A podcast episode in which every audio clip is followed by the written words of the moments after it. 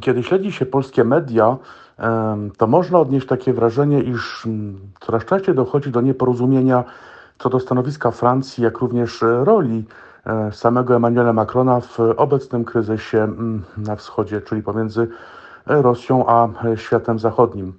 E, nawet można spotkać się w, z takimi stwierdzeniami, iż Emmanuel Macron de facto akceptuje mm, aneksję Krymu e, przez Rosję, e, niejako milczy na ten fakt, jak również iż Emmanuel Macron nie realizuje w pełni wspólnie przyjętej strategii powstrzymywania przez pakt militarny NATO. Dlatego też warto rozwiać te wątpliwości i nieporozumienia, Zaczynając e, od e, pewnego bilansu, otóż jeśli spojrzymy na prezydenturę Emmanuela Macrona, która rozpoczęła się w maju 2017 roku, to zauważymy, iż jest on e, najbardziej antykremlowskim prezydentem Piątej Republiki Francuskiej. Otóż Emmanuel Macron już w pierwszych dniach swego urzędowania mówił otwarcie E, o ingerencji służb rosyjskich e, w proces wyborczy we Francji. E, to Emmanuel Macron doprowadził do konfiskaty majątków różnych oligarchów rosyjskich na równą kwotę około 40 miliardów dolarów. To wreszcie Emmanuel Macron otwarcie stawiał kontrę rosyjskiej ekspansji w Afryce. To Emmanuel Macron osobiście sprzeciwiał się e, projektowi Nord Stream 2 w sposób otwarty. Wreszcie to Emmanuel Macron otwarcie rozpoczął działania polityczne e, na arenie międzynarodowej, tak, aby e, uznać grupę Wagnera za organizację terrorystyczną. I to jest tylko kilka przykładów działań francuskiego prezydenta na rzecz powstrzymywania Rosji. Tak więc trudno e, stwierdzić, a wręcz jest to niemożliwe, aby stwierdzić, iż Emmanuel Macron e, jest prezydentem e, prokremlowskim. Tak z pewnością nie jest.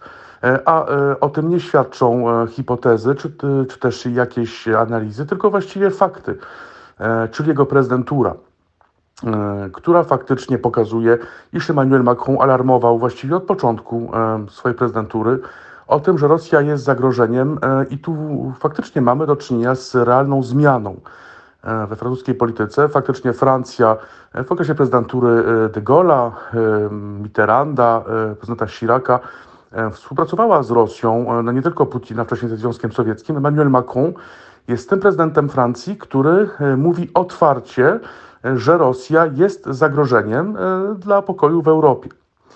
Jednakże francuski prezydent Mm, usiłuje stworzyć e, nieco inną narrację, czy też inną, inną metodę e, na rozwiązanie e, konfliktu na wschodzie. Otóż Emmanuel Macron był krytykowany mm, za różne sformułowania, których użył podczas swojego spotkania z Władimirem Putinem, które miało miejsce w Moskwie tydzień temu.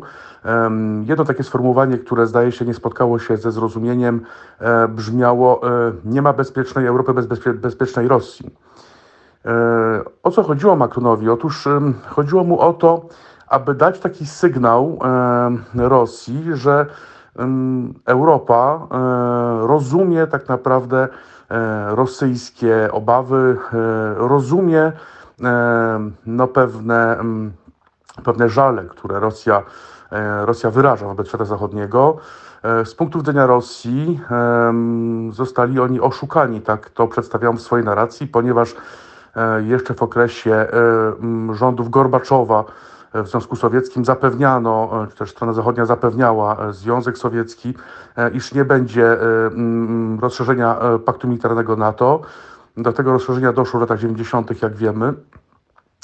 Jeszcze w okresie prezydentury Jelcyna przecież Również Zachód zapewniał, w tym USA, e, iż nie dojdzie do rozszerzenia paktu militarnego NATO. Do tego rozszerzenia doszło, tak więc z punktu widzenia e, Rosji, Kremla, Rosja została oszukana no właśnie przez świat zachodni. E, o czym mówił Władimir Putin, zresztą posiłkując się pewnymi przykładami, które miały świadczyć w jego opinii o tym, iż NATO jest jak najbardziej paktem niedefensywnym, ale wręcz ofensywnym Wspominał on o bombardowaniach na Belgrad, które miały miejsce w maju 1999 roku. Jak pamiętamy, wówczas trwał kryzys ludobójstwo w Kosowie.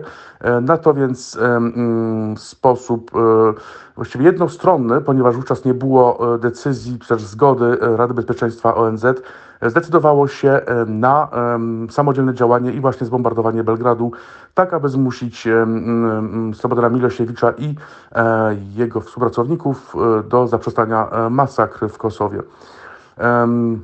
A więc Emmanuel Macron z jednej strony wysyła sygnał, że rozumie Rosję, jej pewne obawy i potrafi e, uzmysłowić sobie, że faktycznie Rosja e, czuje się w jakiś sposób poszkodowana czy oszukana. Jednakże z drugiej strony prezydent Francji e, podkreśla, że żyjemy tu i teraz. Żyjemy tu i teraz i tu i teraz musimy się porozumieć. Mm, tak więc to porozumienie ma być tak naprawdę kluczem do mm, deeskalacji. Tak więc tutaj nie chodzi o to, o czym prezydent Francji zresztą mówił otwarcie i jednoznacznie, bardzo wyraźnie. Nie chodzi o to, że e, Emmanuel Macron, że Francja mm, jest czy będzie w stanie zaakceptować agresję na Ukrainę. Nie chodzi o to, że Francja będzie w stanie zaakceptować łamania praw człowieka, czy że będzie w stanie zaakceptować to, iż będzie naruszana e, integralność terytorialna e, jakiegoś państwa. Natomiast Francja chce doprowadzić do sytuacji, gdzie zostanie znalezione jakieś rozwiązanie, tak właśnie, aby zainicjować nową erę w stosunkach e, wschód-zachód. E, I tutaj pamiętajmy, e, iż nie chodzi tylko o Ukrainę.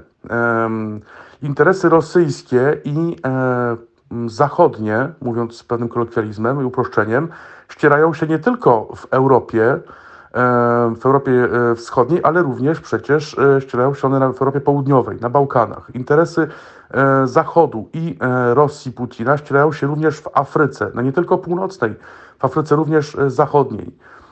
Te interesy ścierają się w krajach Magrebu, te interesy ścierają się w państwach Sahelu, tak więc również na kontynencie afrykańskim, nie tylko w Europie. Pamiętajmy również przecież o Jemenie i o Syrii.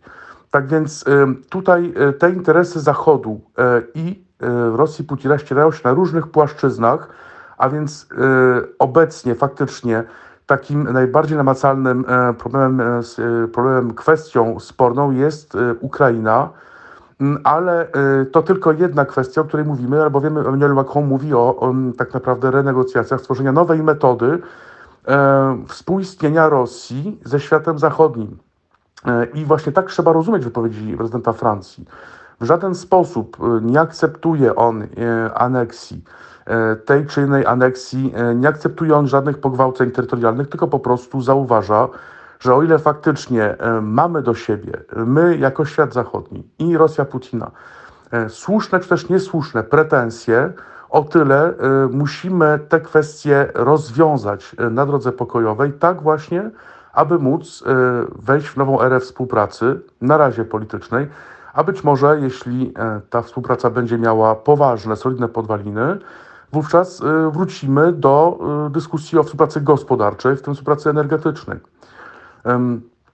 Kolejna kwestia e, to kwestia no właśnie e, związana e, z, no, z pewnymi działaniami, które Rosja podejmuje, które również zdają się niekoniecznie spotykać się ze zrozumieniem czy też z dobrą interpretacją no, wszystkich mediów. Otóż mówi się o dyslokacjach poważnych sił na Białorusi.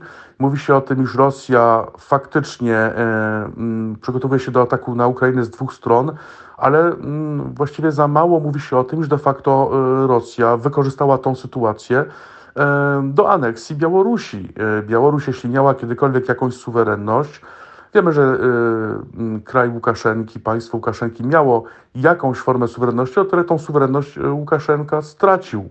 E, tak więc e, trzeba również patrzeć e, na to, co dzieje się na wschodzie, przez właśnie kontekst, który trwa obecnie na Białorusi, czyli de facto podporządkowanie się przez Rosję Putina Białorusi.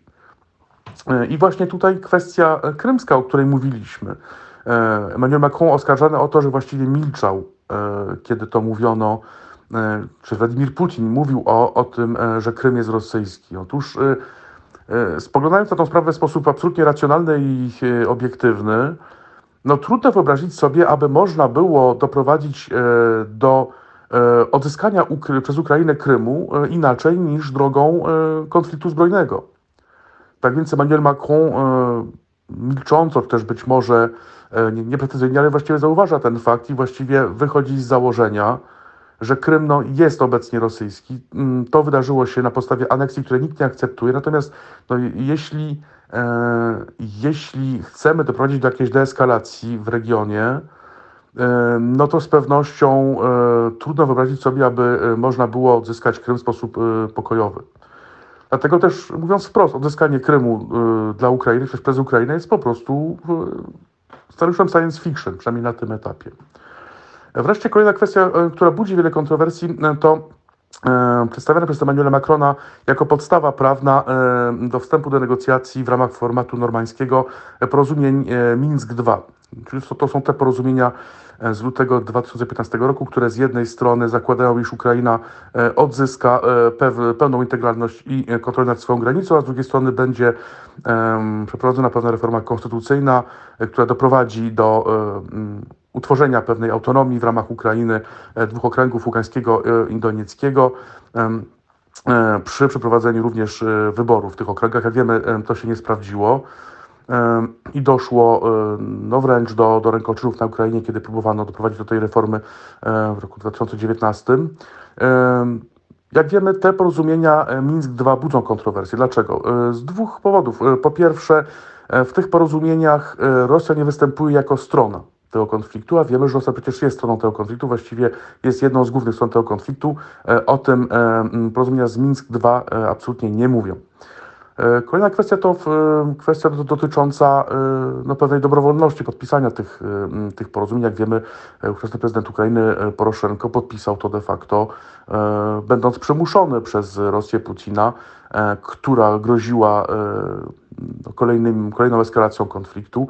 O tym zresztą pisze bardzo otwarcie były prezydent Francji François Hollande w swoich pamiętnikach.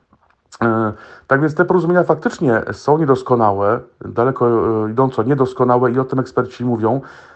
E, natomiast to, o czym mówi prezydent Francji, to fakt, iż tak naprawdę nie mamy żadnej innej podstawy prawnej, aby kontynuować rozmowę w ramach formatu normańskiego, a musimy od czegoś zacząć. Tak więc te porozumienia, które są daleko idąco niedoskonałe, i które z pewnością będą wymagały renegocjacji, redefinicji, e, ale jednak na tym etapie są jedyną podstawą prawną, które mogą umożliwić jakiekolwiek rozmowy w ramach formatu normańskiego.